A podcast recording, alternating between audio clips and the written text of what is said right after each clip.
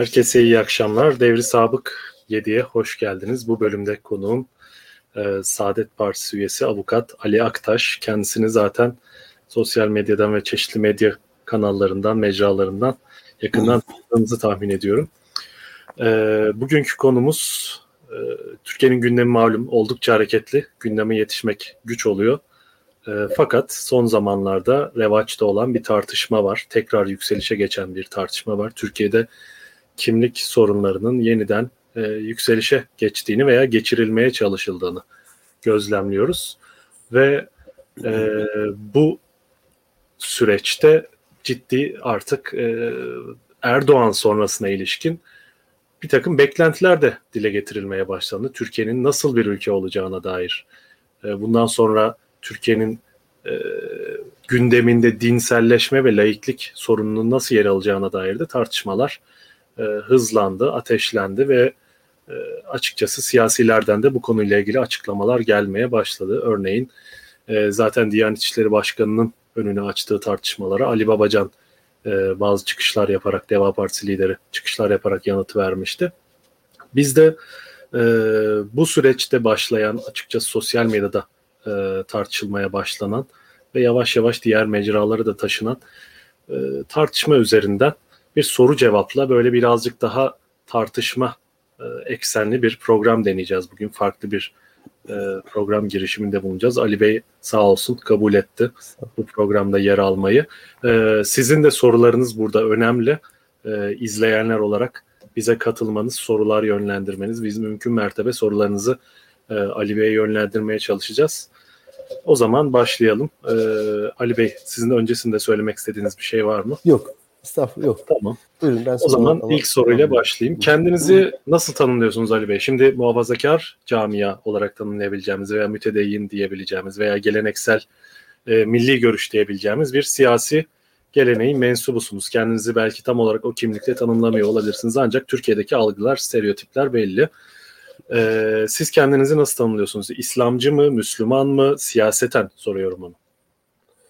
Ee, benim bakış açıma göre İslamcılık işte Osmanlı'nın son döneminde devleti kurtarmak için hani üç tarzı siyaset Osmanlıcılık, İslamcılık, Türkçülük e, çerçevesinde İslamcılık bir muhalefet ideolojisiydi. Batı'ya ve Batı'nın işgallerine karşı özellikle Osmanlı e, kamu yöneticisi ve Osmanlı aydınının ortaya koyduğu bir yaklaşımdı. Bu 1925'lere kadar falan devam eden e, parçalı bir sürecin ismi. Bugün 1969 Erbakan Hoca ile beraber yeniden başladı ama bizim siyasi hareketimiz işte Milli Görüş Hareketi hiçbir zaman kendisini İslamcı olarak tanımlamadı. Ama İsmail Kara'nın kitaplarına baktığınız zaman Türkiye'deki bütün dindar cemaatler, özellikle siyasetle meşgul olmuş olanları veya siyaseti etkilemiş olanları İslamcılık çerçevesi içinde anlattığını görebiliyoruz. Ben kendimi İslamcı olarak tanımlamıyorum. Siyaseten e, işte milli görüşçü, e, dini anlamda Müslüman e, ve bu ülkede yaşamış olmam nedeniyle e, Türkiye Cumhuriyeti vatandaşı ve Türk Türkmen kökenli bir insan olarak tanımlıyorum. Yani aslında e, çoğu insandan farksız bir tanımlama. Tek farkım milli görüş olarak tanımlıyorum ama şu var. Yani insanlar şunu ihmal ediyorlar. E, siyasal İslam veya İslamcılık tanımlamaları bu toprakların yaşadığı için mücadelesini verenlerin kendini adlandırdığı bir şey değil. Dışarıdan adlandırılan bir, bir, bir kavramsallaştırma bu. Bu kavramsallaştırma literatüre böyle yerleştiği için bizim siyasi hareketimizde İslamcı hareket, e, İslamcılık üzerinden e, tanımlanıyor veya anlatılıyor ama kendimizi böyle tanımlamayı tercih etmiyoruz. Pardon. Ee, peki e, İslamcılığın Türkiye'ye dışarıdan gelen bir e, tanımlama olduğunu ifade ettiniz ve ki bu kimliği kabul etmediğinizi söylediniz. Fa- fakat e, bu noktada İslamcı olarak tanımlananlarla bu şekilde kategorize edilen siyasi gruplarla e, kendiniz ayrısı arasında herhangi bir ayrım görüyor musunuz? Yani biz şu yüzden İslamcı değiliz, biz milli görüşçüyüz, onlardan şu anlamda farklıyız diyebileceğiniz ne var elinizde acaba? Ha oradaki yaklaşımın başka. Yani bugün İslamcılık adına e, eleştirilen iktidar pratiği İslamcı bir pratik değil. İslamcılığa baktığımızda anti-emperyalist, e, yerli e, ve e, temel İslami köklere dönmeyi vaat eden bir İslam mesela Mehmet Akif'in e, şiirlerini okuduğunuz zaman orada işte kaba softa ve hamyobaz Müslümanlığın eleştirildiğini görüyorsunuz. Dinin araçsallaştırılmasının eleştirildiğini görüyorsunuz. Milli mücadele aktif olarak katılmış, son dönemin en meşhur İslamcılardan bir tanesi. Bu çerçevede ben mevcut siyasi yapıyı İslamcı olarak tanımlamıyorum. Bunlar pragmatist, oportunist bir siyasi kadro. Zaten başlangıçta da İslamcıyız diye, diyerek yola çıkmadılar. Yani milli görüş gömleğini çıkardık. İslamcı değiliz diye yola çıktılar. Ancak şu var yani Türkiye'de e, İslamcılığın, İslamcılık ideolojisinin veya İslamcılık fikrinin ne idüğü ve nasılına ilişkin bir çerçeve olmadığından dolayı zemberi böyle çok geniş bir kavram. Bu anlamda herkes bu kavram üzerinden eleştiri ve bu kavram üzerinden tanımlama getirebiliyor. Yani bugün ben kendimi milli görüşçüyüm, İslamcı olarak tanımlamıyorum desem bile literatür beni İslamcı olarak tanımlamaya devam ediyor. Literatür AK Parti de İslamcı olarak tanımlamaya devam ediyor. Literatür Deva Partisi'ni veyahut da Gelecek Partisi'ni bir 20 yıl sonra İslamcı olarak tanımlayacak. Yani bu kaçınılmaz bir şey. Ama temel farkımız e, yani AK Parti ile e, veyahut da mevcut iktidar pratiğiyle çok ciddi farklarımız var. O farklarımızı zaten siyasetin ifade de geliyoruz. Yani biz mesela en başta işte Avrupa Birliği olsun, ABD ilişkileri olsun, temel İslami pratikler anlamında veya dinin dinin araçsallaştırılmaması adına bir takım taleplerimiz var. E, bu bunlar e, yapılmıyor AK Parti tarafından ve, ve bu İslam'a fatura edilen bir sonuç olarak karşımıza çıkıyor. Yani temel farklarımızdan bir tanesi yani ben e, iletişim yayınlarından çıkmış Hasan soy ismini hatırlayamadım. Süleyman Demirel'in hayatını anlatan güzel bir kitap var. Böyle 250 sayfa kadar. Dünden bugüne onu bitirdim.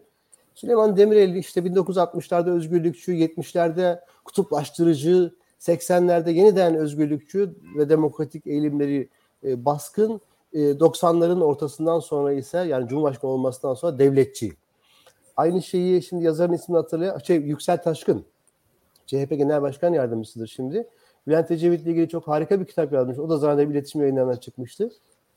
Bizim siyaset gelini o da onun da özgürlükçü sonra son döneminde devletçi ve neredeyse işte e, kat, sektör layıkçı bir yapıya kavuştuğunu söylüyordu.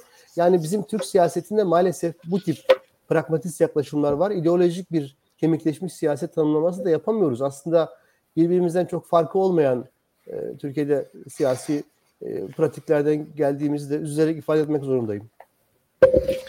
E, dolayısıyla aslında yani sizin is, İslamcı olarak Türkiye'de bilinen gelenek açısından e, belirleyici kimliklerin AKP açısından geçerli olmadığını fakat o kimliğin bir devamı varsa bugün milli görüşte devam Tabii. ettiğini mi ifade etmeye çalışıyorsunuz? İslamcılık Türkiye ya Osmanlı'dan bugüne gelen İslamcı mirası reddetmiyorum. Ama İslamcılığın bir muhalefet ideolojisi olduğunu, hatta bir ideoloji anlamında bugün bizim bir ideolojiye ihtiyacımız kalmadığını, o geniş Müslümanlık çerçevesinin veya Türkiye Cumhuriyeti vatandaşlığı çerçevesinin projeli siyaset yaklaşımının daha doğru olduğunu düşünüyorum ben.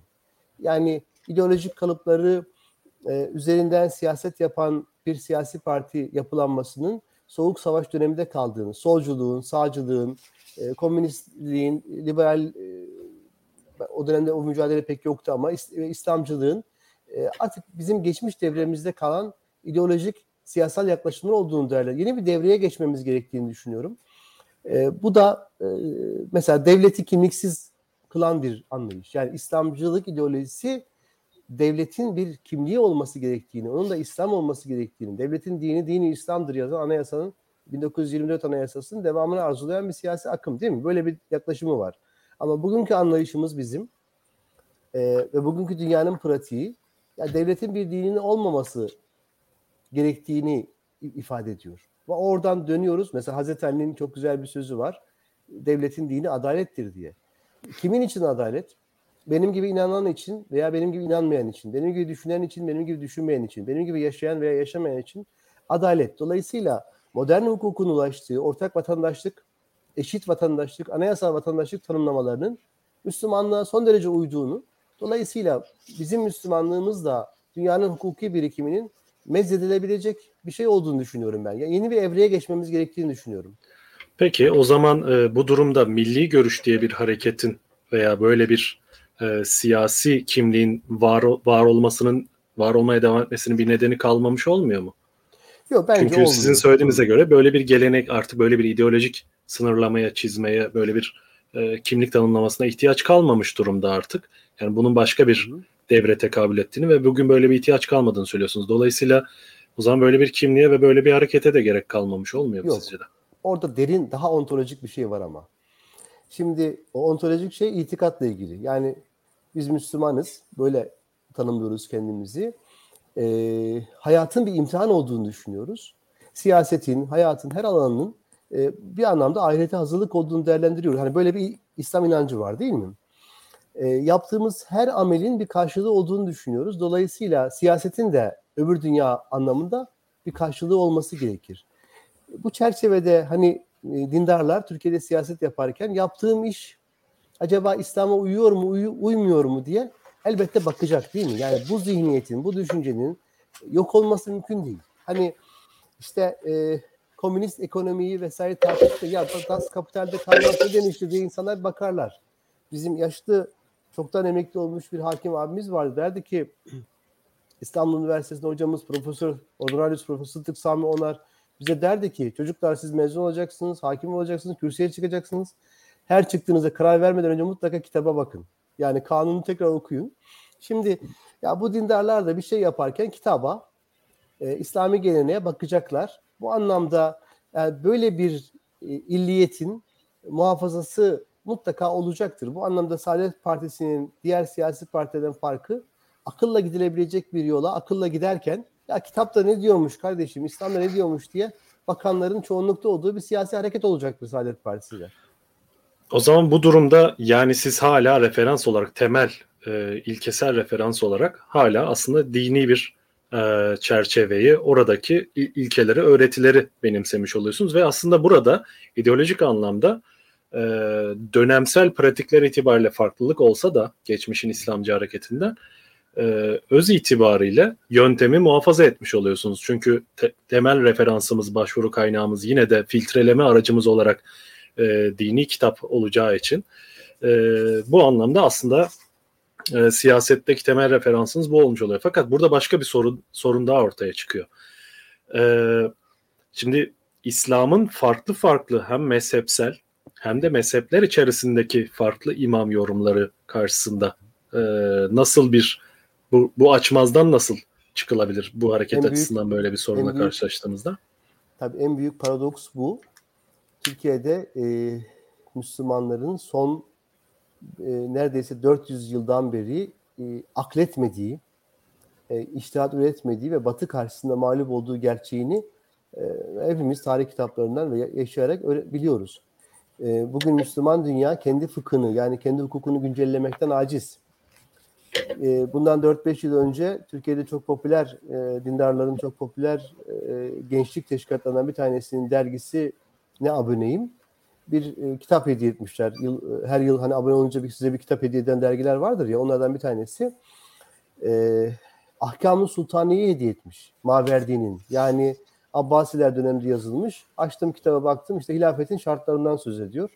Sonra işte devlet, siyaset, hukuk vesaire diye bahsediyor. Oysa e, Kur'an'ı açıp baktığınız zaman devlet başkanının seçilmesiyle ilgili bir hüküm yok. Ama Müslümanların bir anayasa, İslam İslam pratiği bir anayasa hukuku üretmiş mi derseniz o da yok. Dolayısıyla bugün e, Müslümanlık çok e, bu, çerçeve içerisinde çok geri kalmış. E, daha doğrusu Müslümanlar bu çerçeve içinde çok geri kalmış durumdalar. Şimdi bizim benim iddiam şu veya bizim gibi düşünen arkadaşların iddiası şu. Kardeşim biz geçmiş pratikte bağlı kalmak zorunda değiliz. Yani Kur'an'ın özü Allah'a iman ve ahirete imandır. İyilik, iyilik etmek, komşuna yardımlaşmak vesaire pek çok şeyi söyler. Kur'an'ın çok cüzi bir kısmı ahkam, hukuk içerir. O hukukun dinamik şeriat kaidesinde, adalet çerçevesinde yenilenmesi de mümkündür. Bizim bugün hukuku yenilememiz gerekiyor. Yani siz bugün hukuku yenileme, yenilemediğiniz zaman ortaya işit tecrübesi çıkıyor. Çünkü işit, o Cübbeli Ahmet de söylüyor ya, işit Cübbeli Ahmet'in okuduğu kitapların aynısını tatbik ediyor. Veya Taliban geçmiş dönem fıkhının aynısını tatbik ediyor. Açın Google'ı açıp baktığınız zaman namaz kılmayan bir Müslüman. Tövbeye davet edilir diyor. Birkaç gün hapsedilir, etmezse idam edilir.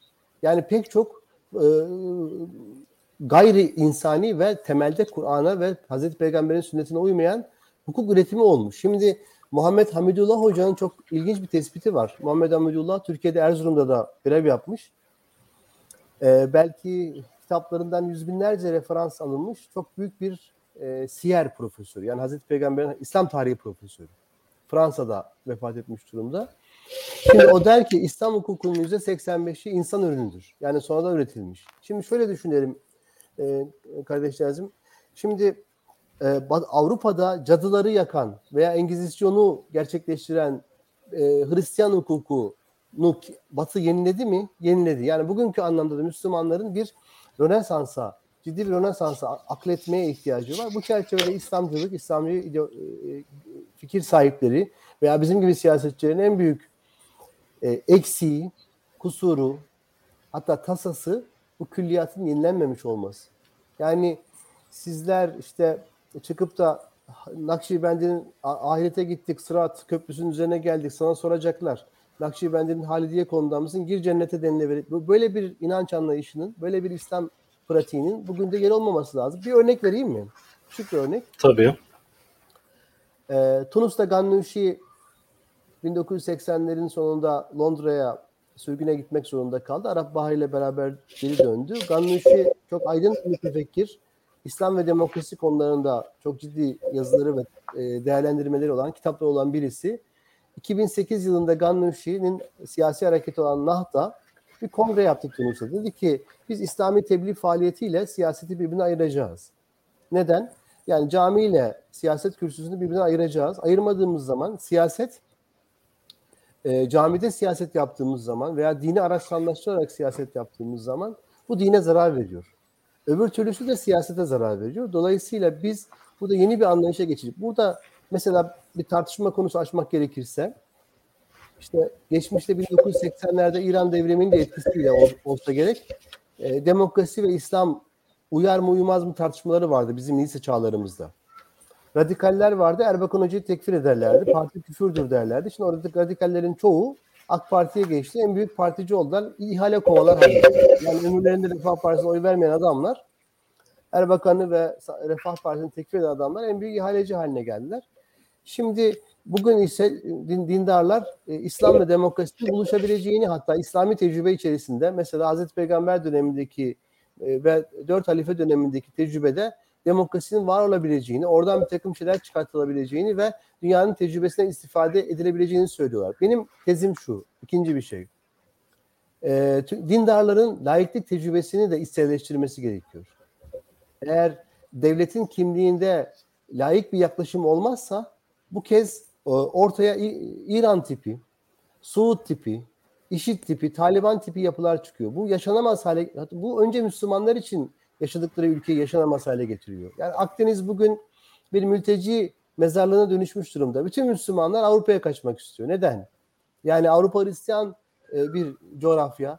E, niye kaçıyorsunuz? Özgürlüğe, refaha, demokrasiye, adalete, insan haklarına, eşitliğe kaçıyorsunuz. E, bizim ülkelerimizde niye bu yok? Diktatörler var. İslam'ın yorumu aynen bugün getirip başımıza zorbaca dayatıyoruz. Din muhafızları koyuyoruz. Genç İran'daki kadınlar e, değneklerin ucuna başörtülerini alıp eylem yapıyorlar. Şimdi araya girebilir miyim? İhtiyacımız var. Evet. Ali Bey kusura bakmayın. Ee, mümkün evet. mertebe kısa cevaplarla ilerlemeye çalışayım. Çünkü evet. bayağı soru geliyor. Hem onlara benim de sorularım var bayağı. Hem sizin ifadeleriniz üzerinden açacağım yeni sorular olacak. Hem izleyicilerimizin de e, beklentileri var. Onları da karşılamaya çalışalım. Şimdi buradaki e, nokta siz bir dinsel reform ve bu tip anlatıların, bu hukuk geleneğinin vesaire e, güncellenerek bunun modern siyasi ihtiyaçlarla uyumlu hale getirilmesi gerektiğini söylüyorsunuz özetle. Fakat sorun burada şu.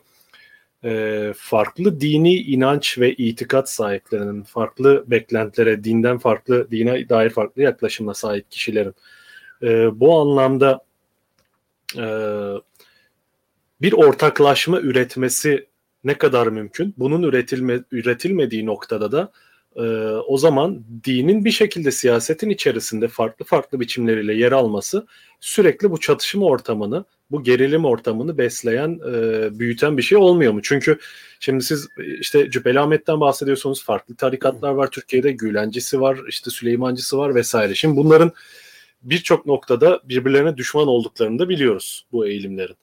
E, şimdi bunları yeni bir dinsel e, birliktelik etrafında toplama iddiası ne kadar gerçekçi bu anlamda?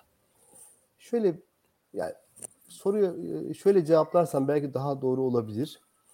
Türkiye'de 1924 yılında tekke ve zaviyeler kapatıldı. Yani tarikatlar kapatılınca bunlar bitmediler. Bunlar e, yer altına indiler ve varlıklarını devam ettirdiler. Devlette 1950 ile beraber devlette yer edinmek, e, daha geniş imkanlar elde etmek, 1960'ların sonunda Milli Görüş Hareketi ile beraber öncesinde başlıyor biliyorsunuz. İmam açılması CHP dönemindedir.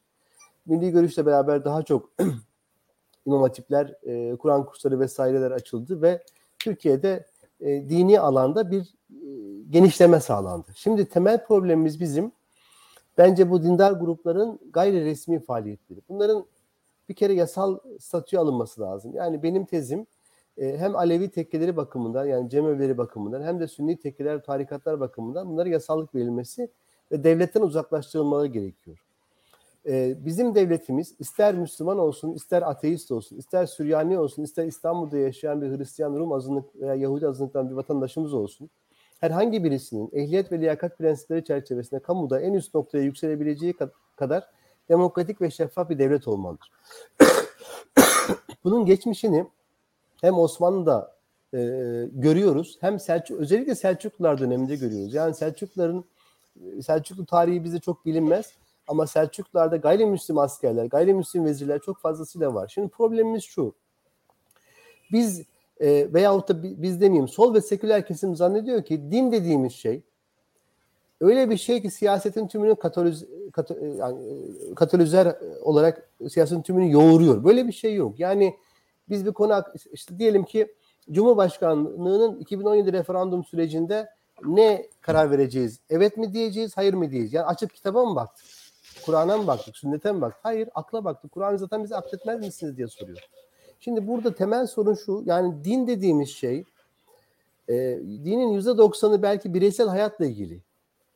Türkiye'deki temel sorun dinin baskılanmasıydı. Dinin baskılanması onun siyaset alanına taşınmasına, mesela başörtüsü üzerinden konuşalım.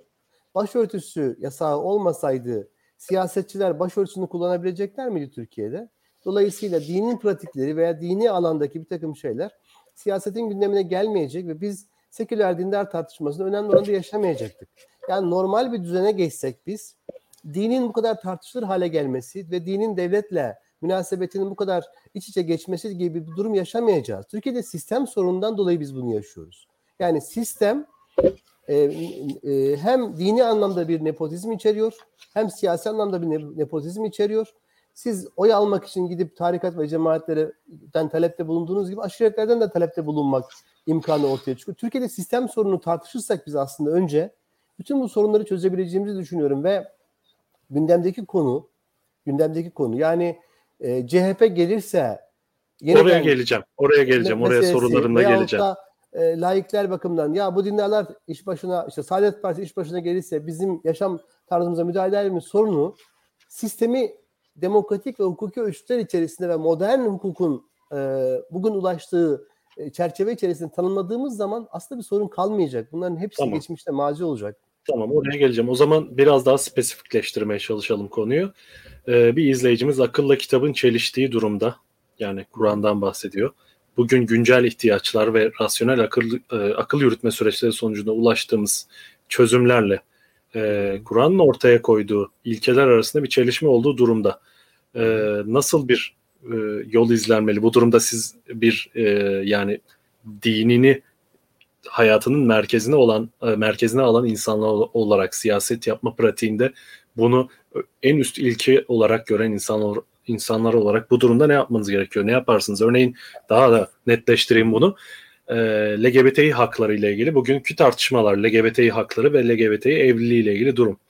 Hı hı. Bu, bugün artık dünyada e, 90'ların başından itibaren e, Dünya Sağlık Örgütü e, LGBTİ bireylerin bir birer hastalık sahibi olmadığını kabul etti. Bu bütün dünyada bir norm haline geldi. Hukuki anlamda da kabul edildi ve bilimsel verilerle de artık bu ciddi anlamda e, kabul görmüş durumda. Bunların bir anormallik olmadığını, insan doğasına biyolojik, genetik e, özelliklerine içkin farklılıklar olduğunu söylüyor. Peki bu durumda LGBT hakları ve evliliği konusu gündeme geldiğinde dini temel ilke olarak alan siyasetçiler veya böyle bir siyasi genel olarak nasıl bir tutum takınacaksınız?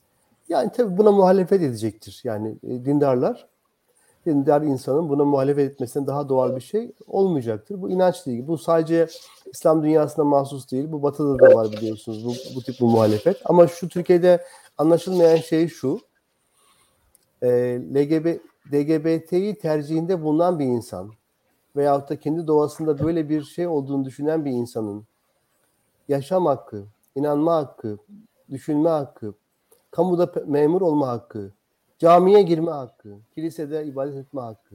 Yani benim sahip olduğum e, temel insani hakların tümüne sahip olma hakkı var. E, bunların, bu insanların sokakta ayıplanması, kınanması, arkalarına hakaret edilmesi veyahut da e, geçmiş dönemde gelen fetvalarında var mesela LGBT'yi tercih yapmışsa onu yüksek bir yerden tavana aşağı atın. E biz bunu ne Kur'an'da görüyoruz ne Hazreti Peygamber'in sünnetinde görüyoruz. Bu tamamen sonradan üretilmiş bir fıkıh kaidesidir. İnsanların yaşam hakkı en muhterem haktır. Bir cinsel meselesi dolayı, cinsel tercih dolayısıyla insanın yaşam hakkını elinde alamazsınız. Yani bu, bu sonradan üretilmiş olan bu fıkıh kaidesi temelden yanlış.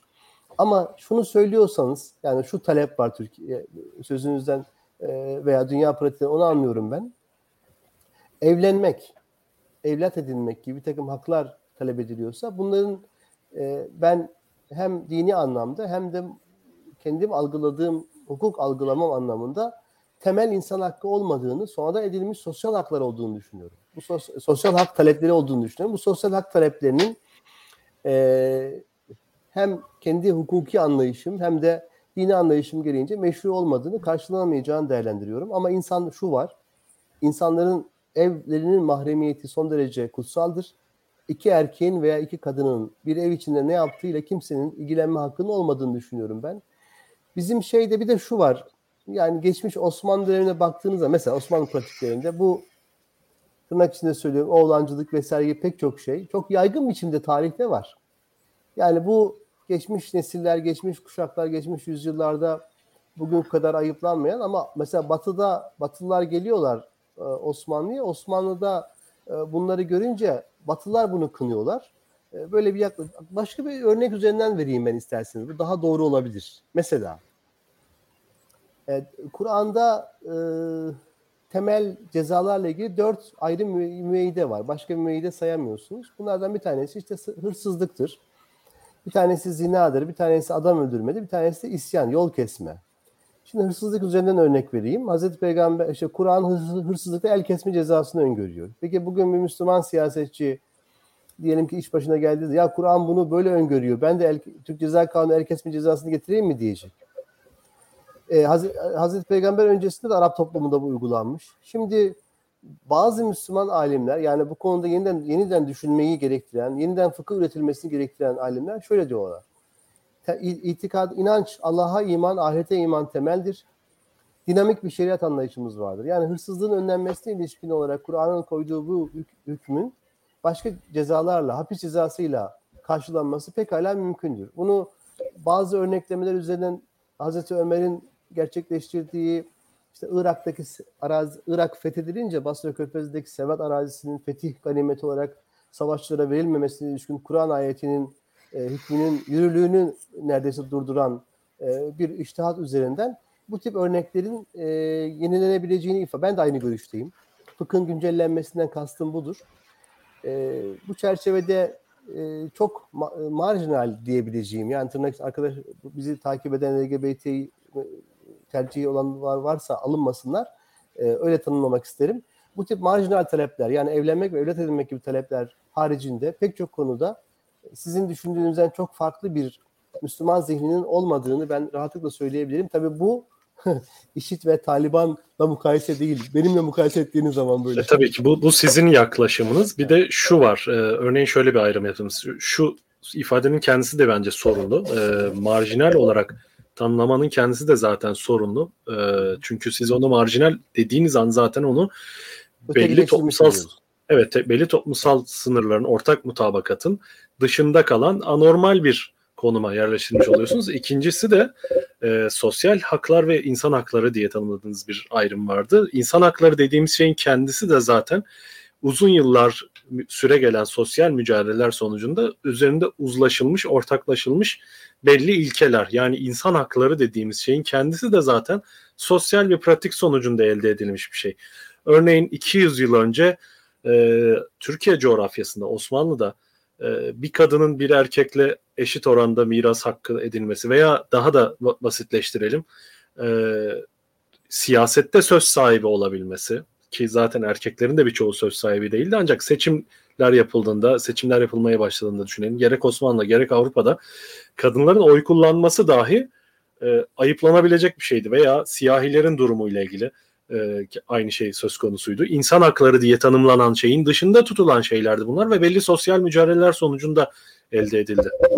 Dolayısıyla burada sizin bugün şu an sosyal haklar olarak tanımladığınız, e, nitelediğiniz, sonradan türetilmiş olduğunu söylediğiniz ve marjinal olarak gördüğünüz şeylerin de aslında bugün norm haline gelmiş olan şeylerin geçmişi oluyor aynı zamanda. Dolayısıyla böyle bir e, ayrıma e, katılmıyorum.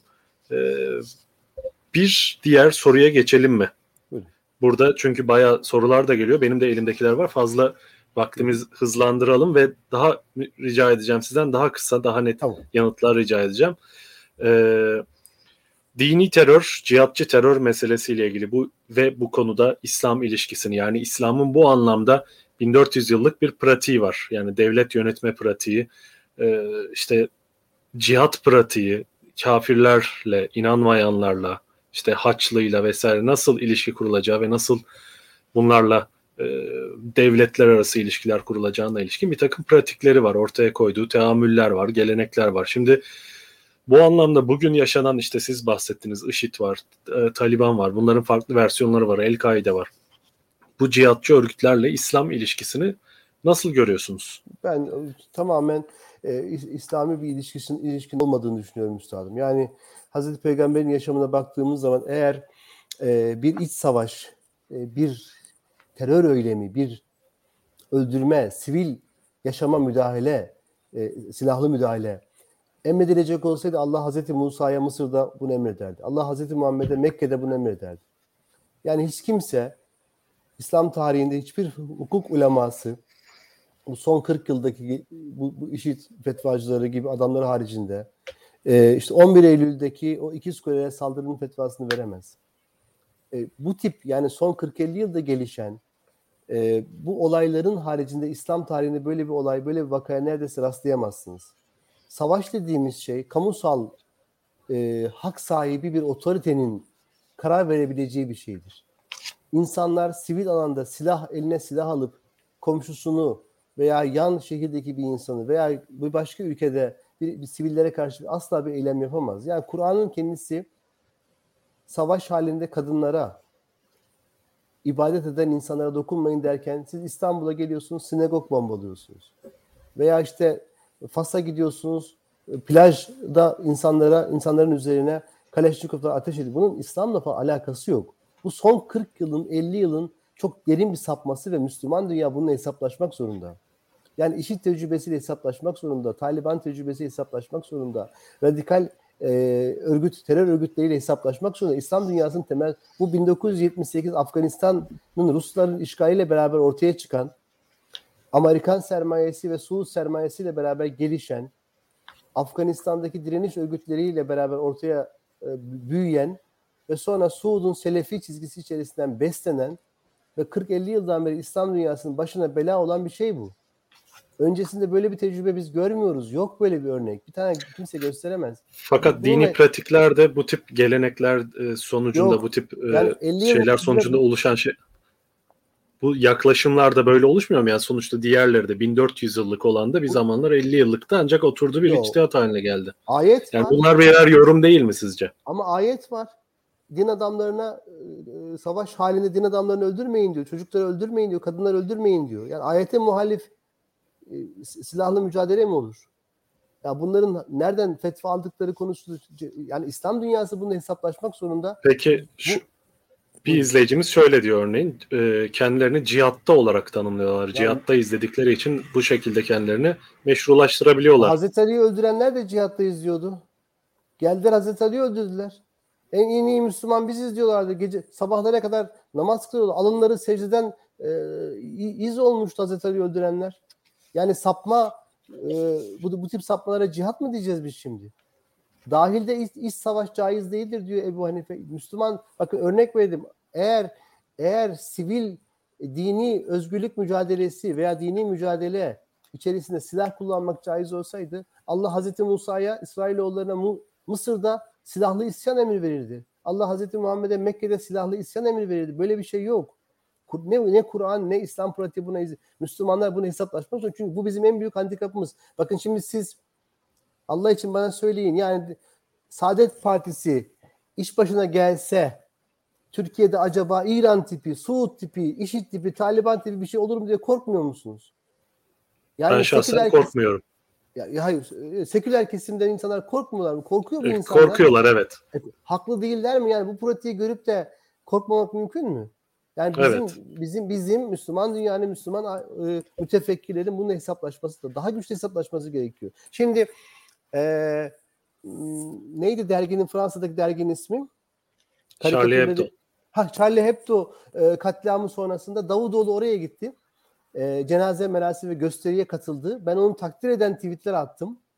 Aa nasıl böyle şeyler yapıyorlar, yazıyorlar. Daha geçen sene, daha geçen sene Yeni Şafak gazetesinde bir yazar bu tip eylemlerin tasvip edilebilir eylemler olduğunu yazdı. Ben ona hatta şeyi örnek verdi. Geçmiş dönemde e, e, e, Hazreti Peygamber'le bir örnek veriyor. Ben açtım onu İbn Saad'dan vesaire ilk ilk hadi siyer kitaplarına örnek dedim senin dediğin gibi değil bu. Başka bir şey.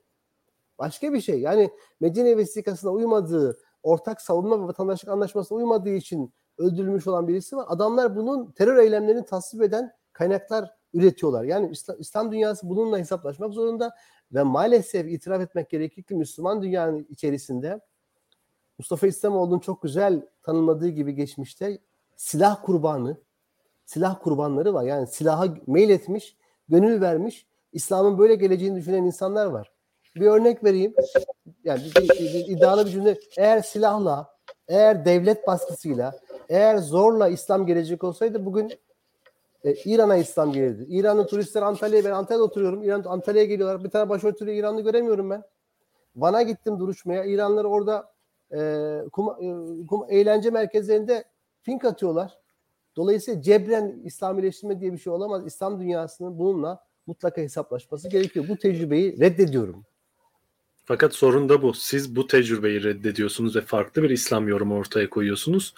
Onlar da sizin yorumunuzu reddedip sizi e, tekfir ediyor ve onlar sizin Müslüman olacaklar. olmadığınızı ve iddia onlar ediyor. tarih olacaklar. Bu tarihi bir arıza bu İslam dünyasında. Onlar tarih olacaklar. Yüz yıl önce biz Birinci Dünya Savaşı olmamış olsa Rum komşularımızla beraber yaşıyorduk. Hristiyan, Yahudi komşularımızla beraber yaşıyorduk.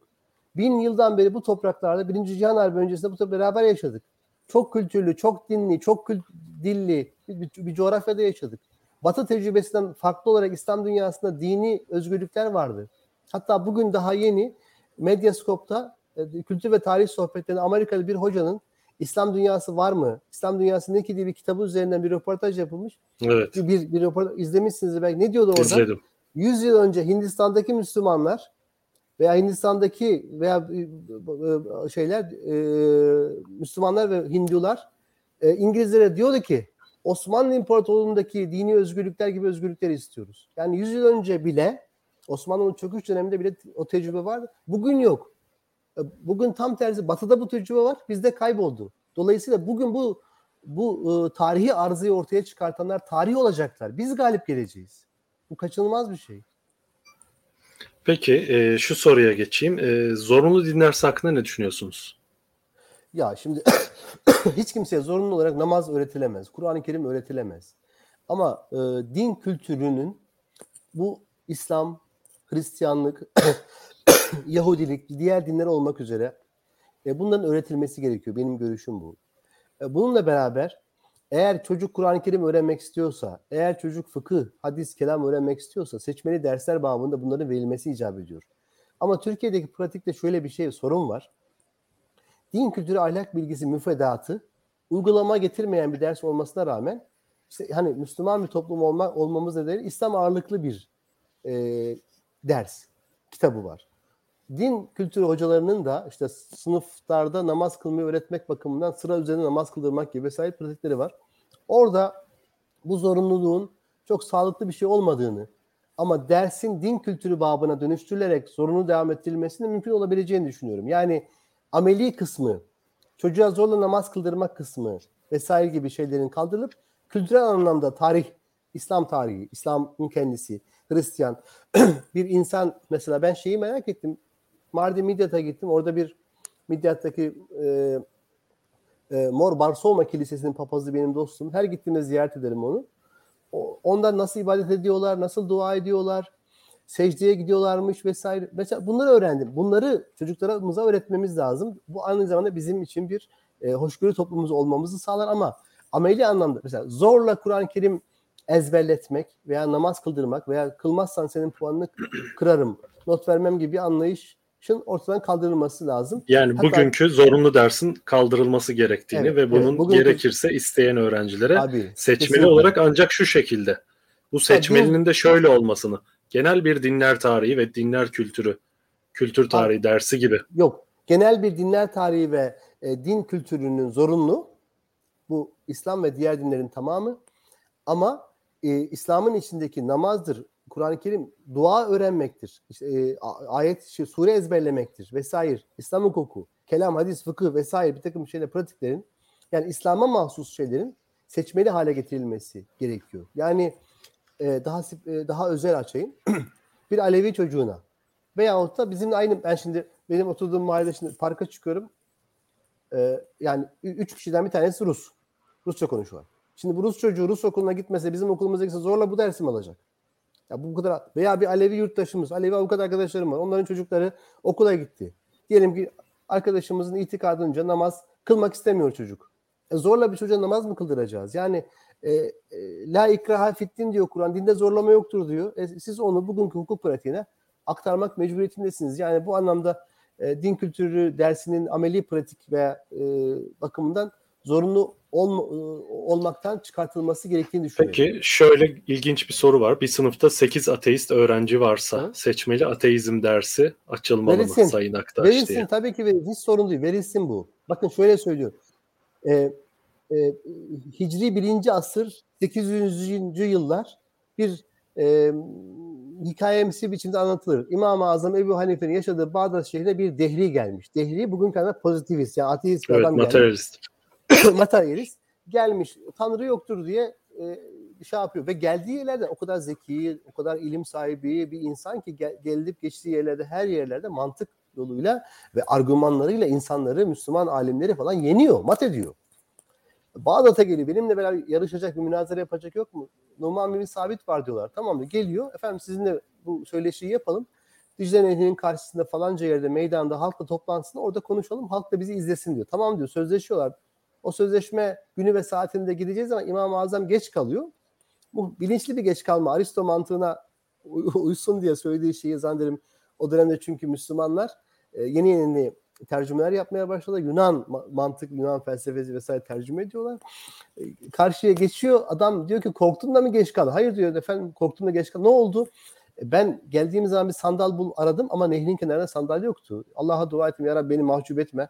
Bunun üzerine bir ağaç yıkıldı. İşte Sonra sandal oldu falan karşıya bununla geliyor. Adam gülüyor. Deli misin sen diyor bir ağaç kendi kendine yıkılır mı?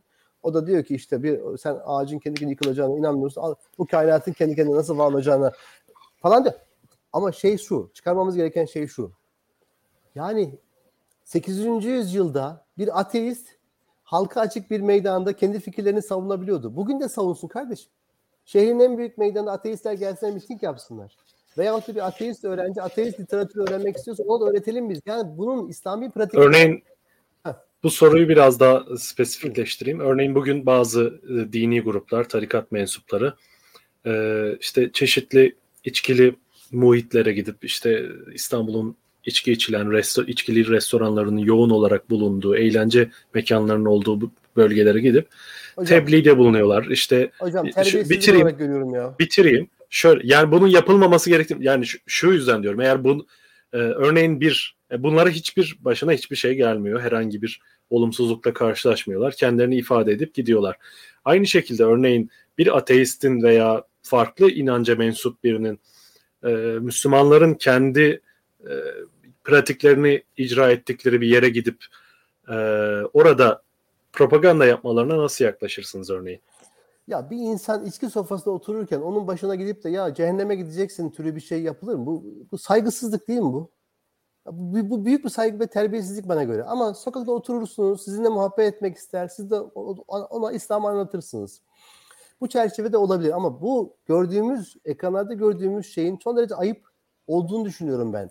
Sorunuza gelince yani bir ateistin de e, Müslümanların veya dindarların gittiği bir kahveye gidip orada oturup e, ateizmi anlatmasını da tartışmalarını da son derece normal görüyorum. Biraz önceki örnekte olduğu gibi bizim bu özgürlükçülüğe kavuşmamız e, gerekiyor. Şair mütenebbi e, kendisinde peygamberlik iddiasında da bulunan veya bulunduğu söylenen birisiydi. Arap Yarımadası'nda tüm e, Arap Yarımadası'nda Hicri 120-130'larda geziyordu. Kimse buna bir şey demiyordu ve bugün dahi Arap aleminin en büyük şairlerinden bir tanesi olarak anılıyor. Yani geçmişteki bu özgürlüğü, e, bu hoşgörüyü biz bugün bir türlü yakalayamıyoruz. Ama karşımıza pratik olarak ne çıkıyor? İşit örnekleri çıkıyor, diğer örnekler çıkıyor. Yeniden buna kavuşmamız lazım. Bunlar İslam'ın özü. Bugün unuttuğumuz değerler. Sizin o hani Medyaskop'ta izlediğiniz şey, o örnek ne kadar muhteşem. Yani geçmişte 100 yıl önce sen daha demokratmışsın. Şimdi gelmişsin en zorba hale getirmişsin. Kadınların çıkıyor. E, başörtü, Türkiye'de başörtüsü mücadelesi veriyordu. İran'da başını açma mücadelesi veriyor. Bir Suudi Arabistan filmi izledim üstadım. Bir buçuk saatte iki genç çekmiş. Böyle belgesel türünde bir şey. Sinema yok diyor. Kız arkadaşıyla bir yere oturmak yok. Hemen din polisi müdahale ediyor. Böyle bir hayat olabilir mi? Böyle bir İslami pratik olamaz. Bu son 40-50 yılın bu pratiğinin de mutlaka düzeltilmesi icap ediyor.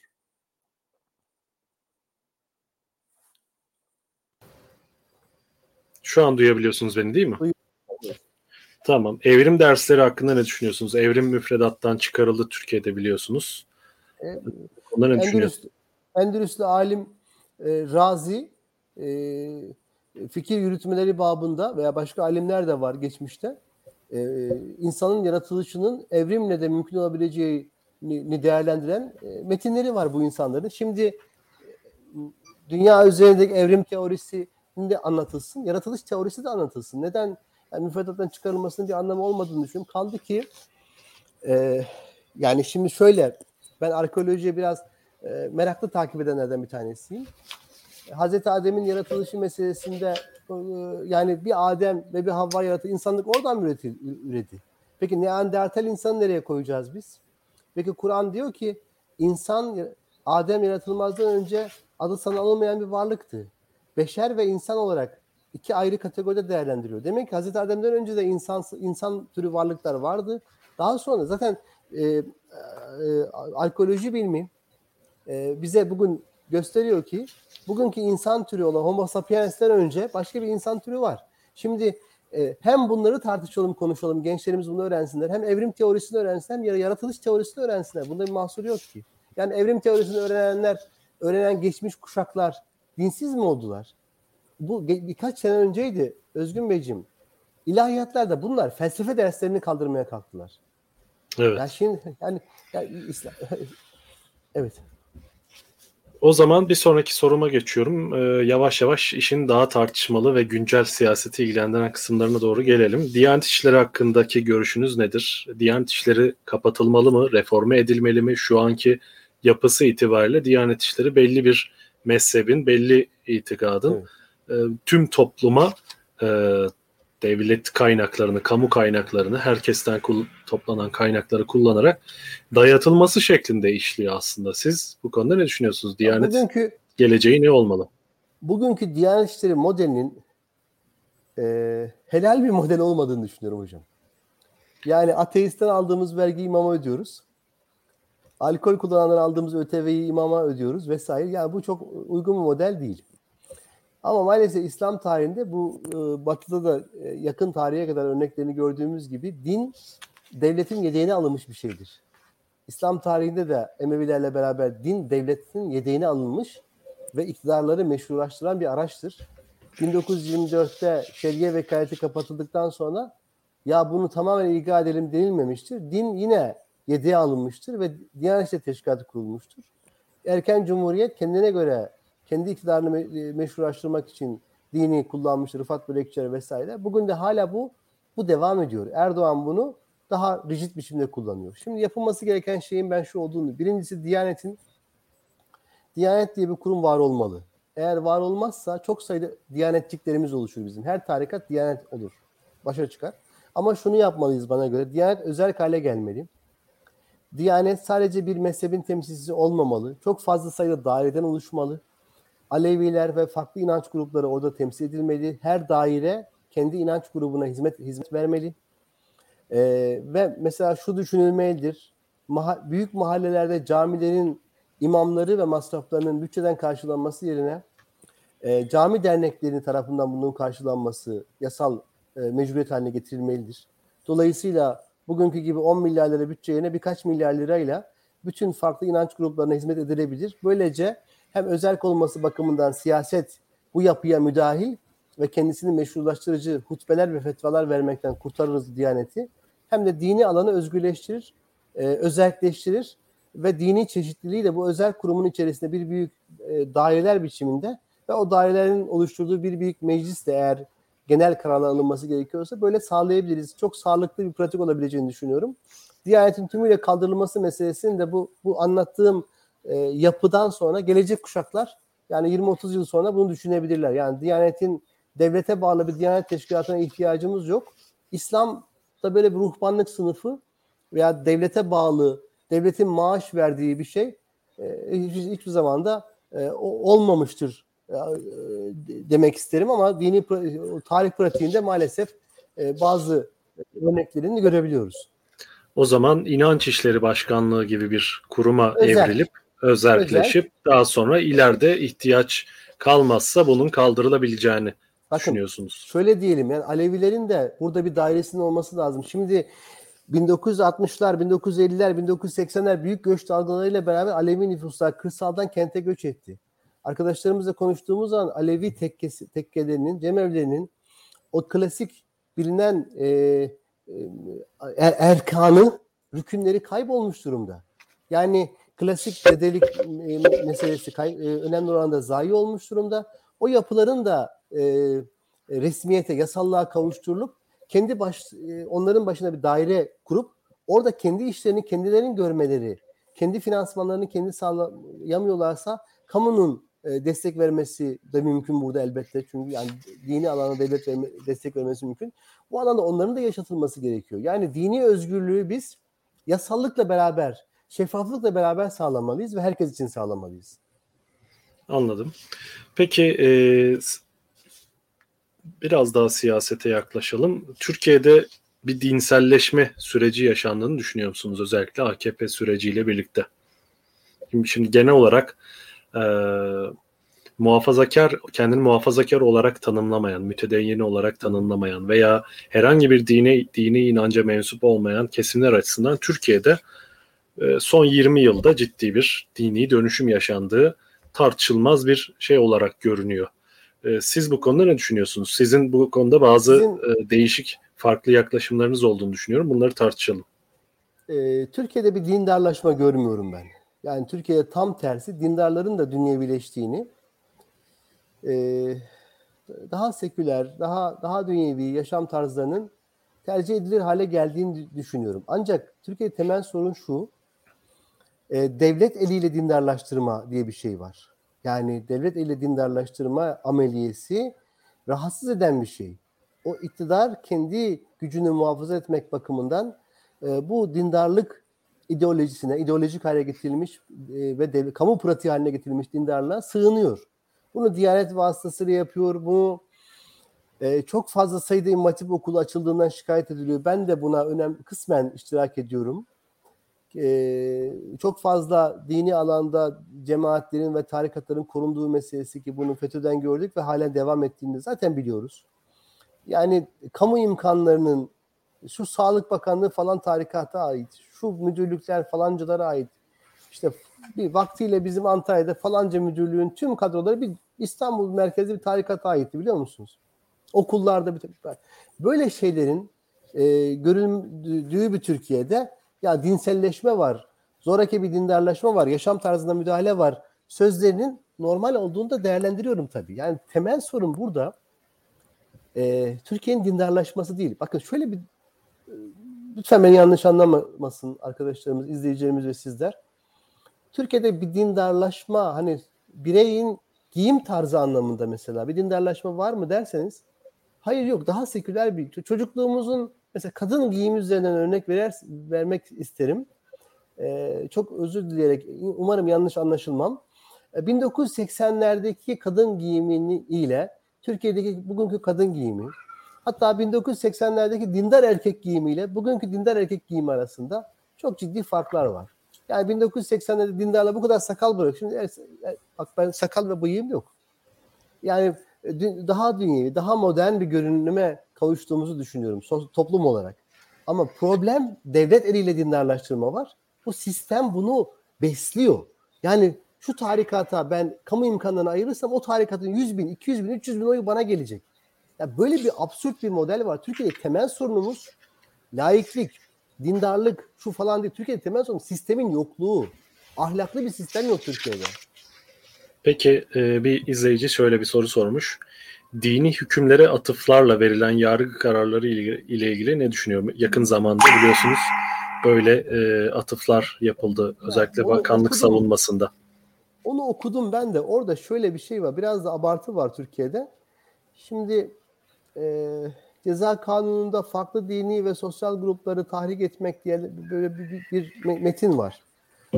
Onun altını doldurmak bakımından böyle bir şey eklemişler. Yani diyor ki Türkiye dindar bir çoğunluk var.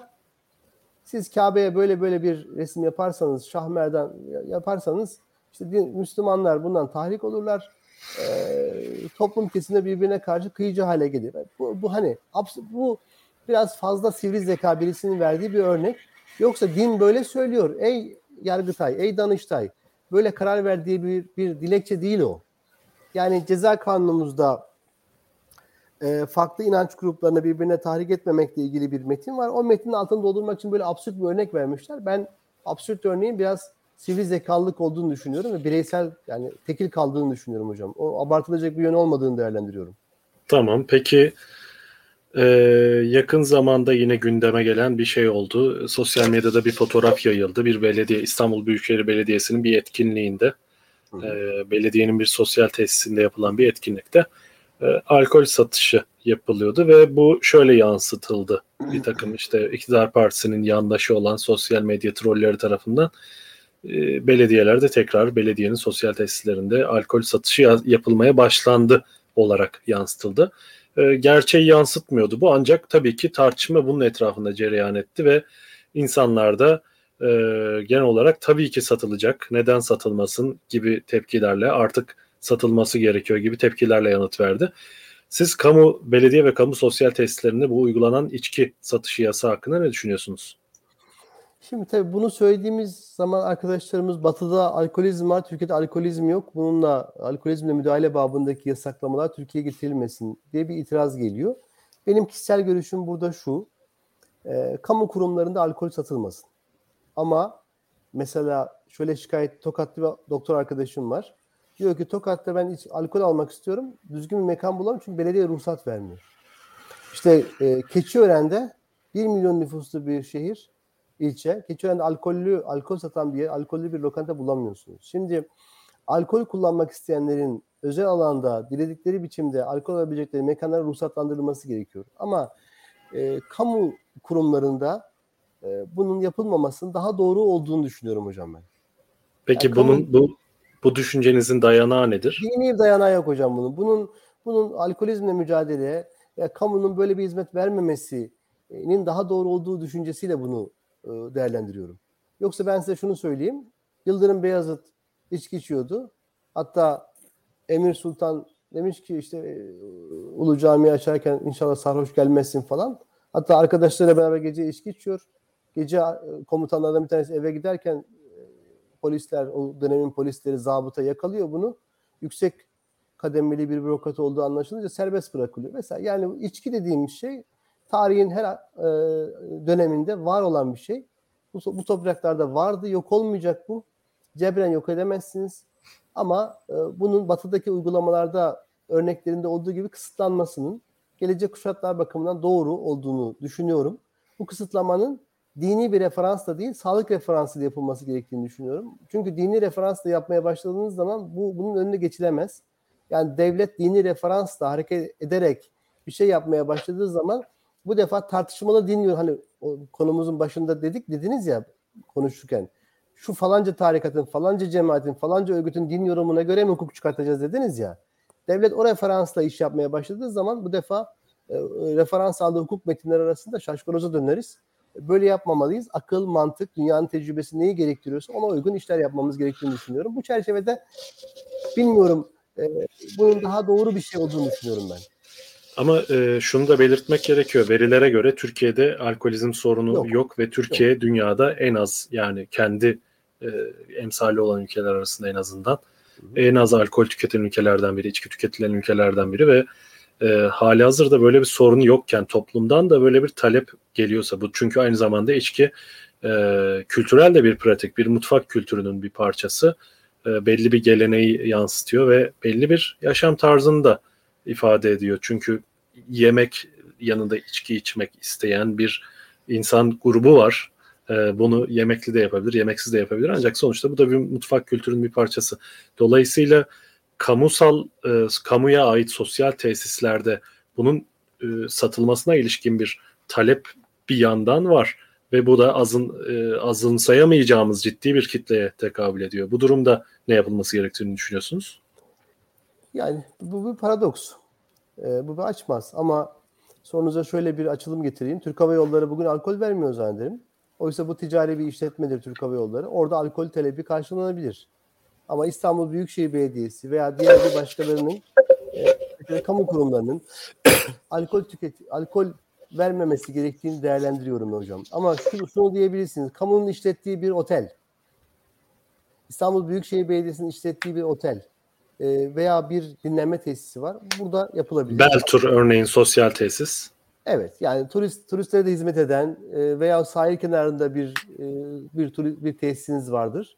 O bu yapılabilir ama belediyenin her tarafında kamu alanlarında bu bu şekilde yapılmasının doğru bir şey olmadığını Yani belediyeden yani, kastımız şu işte örneğin Sarıyer'de bir tesis var sosyal tesis vatandaşlar gidip otursun diye. Evet ucuza yesin içsin. Evet, e, herkes yararlanabilsin diye bundan Tabii. bir bir takım tesisleri var iktisadi teşekkürler. tesisinde içki versin deniz kenarında karşıdaki Beykoz'dakinde de içki vermesin mesela. Böyle bir şey olabilir hocam.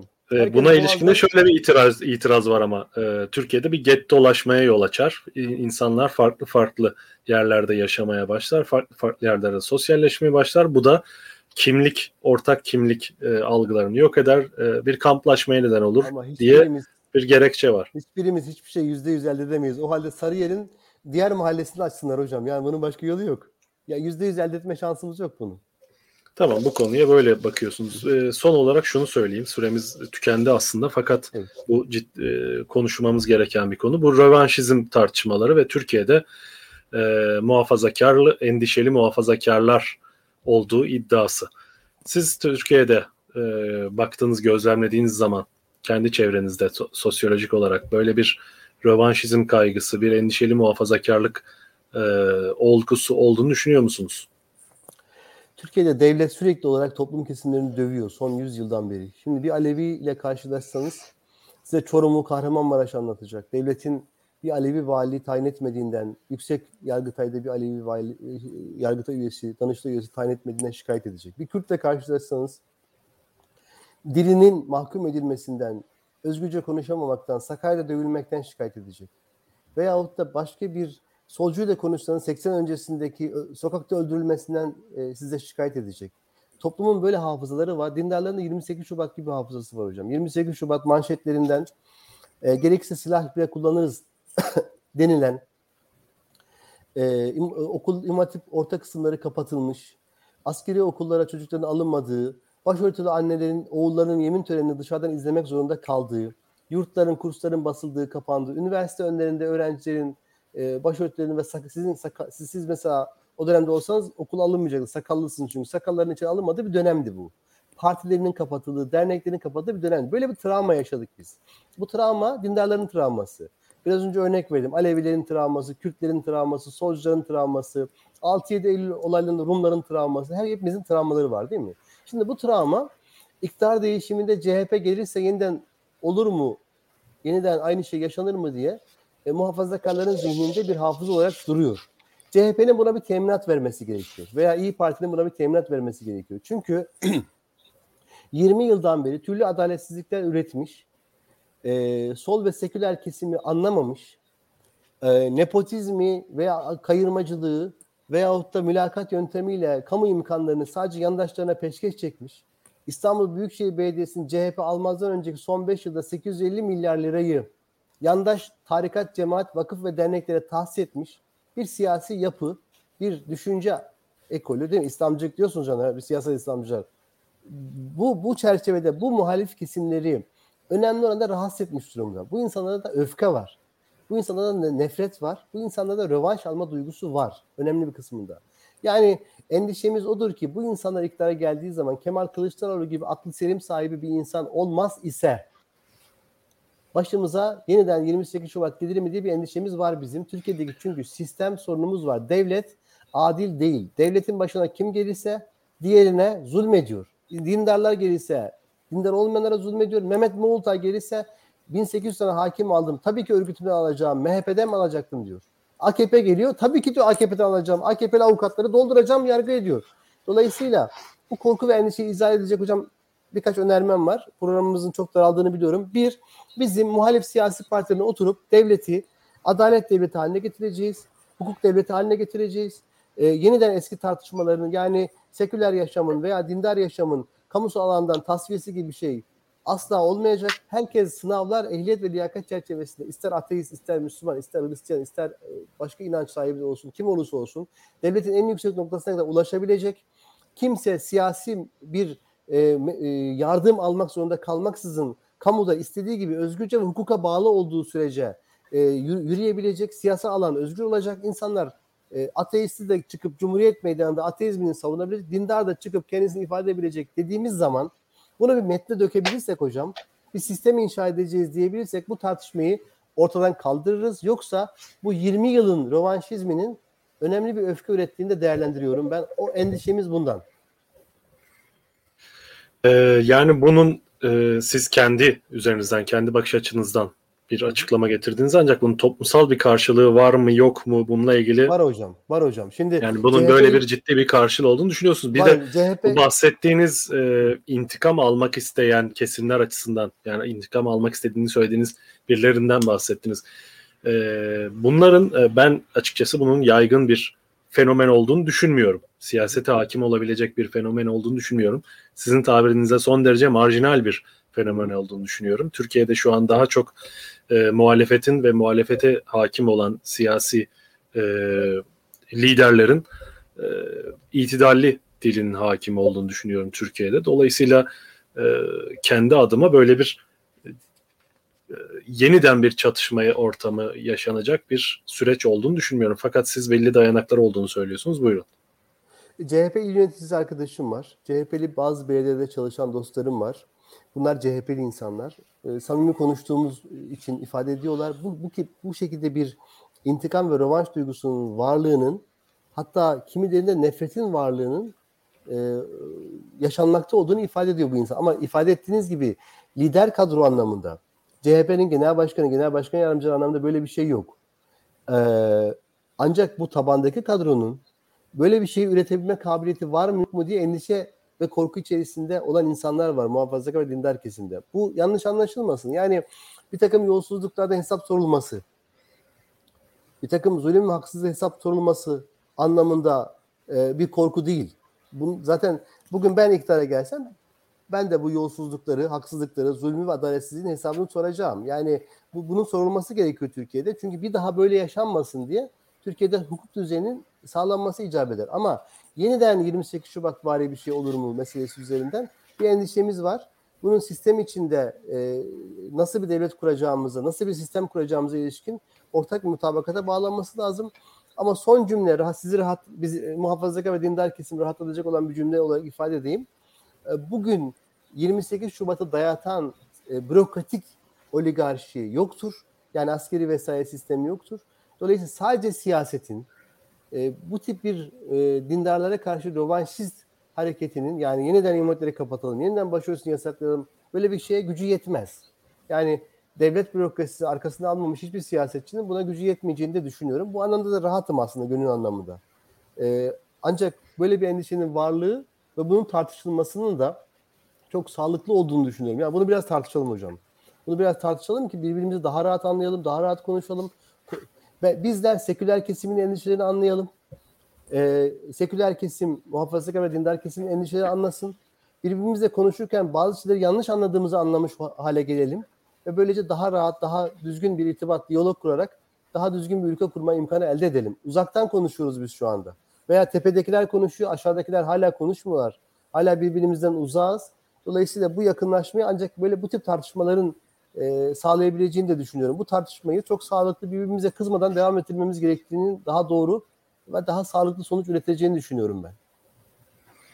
Anladım. Teşekkürler e, yorumlarınız için. Çok sağ olun. E, ben son dönemdeki aslında bu rövanşizm tartışmalarının e, siz belli bir e, somut bir karşılığı olduğunu, bu endişelerin somut bir karşılığı olduğunu söylediniz. Ancak şu konuda da farklı düşünüyorum ki işte bu vals üzerinden e, işte şeyde vals oynandı. Bakın bunlar yeni bir e, bize karşı bir takım kültürel ve kimlik e, savaşı açma girişiminde gibi yorumları açıkçası birazcık abartılı buldum sosyal medyadaki yorumları. Fakat sizin söyledikleriniz de tabii ki değerli çünkü o cenahın içinden bir isim olarak konuşuyorsunuz. E, bunları da dikkate almak gerekiyor. E, çok teşekkür ederim yayınımıza katıldığınız için. Ben teşekkür ee, ederim. Çok sağ olun. Ama baştaki ilk 20-25 dakika konuştuğumuz konuları Mustafa Öztürk Hoca'ya sormak lazımdı. O daha iyi anlatırdı. Çünkü gerçekten İslam dünyasının böyle temel hukuk sorun, sorunları var. Ve bunun çok daha yetişmiş, yani siyasetçilerden önce e, ilahiyat hocalarının, fıkıhçıların, hukuk alimlerinin çözmesi gereken büyük sorular bunlar. E, ama e, maalesef hep beraber konuşmak da zorundayız. Hayatın içindeyiz. Ben çok keyifli bir program olduğunu düşünüyorum. Çok teşekkür ederim. Biz teşekkür ederiz. İzleyicilerimize teşekkür ediyorum. Ee, kanalımıza abone olmayı unutmayın. Yayınımızı beğenmeyi unutmayın. Katıl butonuyla isterseniz Patreon'dan bizi destekleyebilirsiniz. Devri Sabık 8'de görüşmek üzere. Bundan sonra birazcık daha konseptimizi daha fazla soru cevaba, izleyicilerimizle etkileşime doğru evriltmeye çalışacağız. Herkese iyi akşamlar diliyorum. Görüşmek üzere.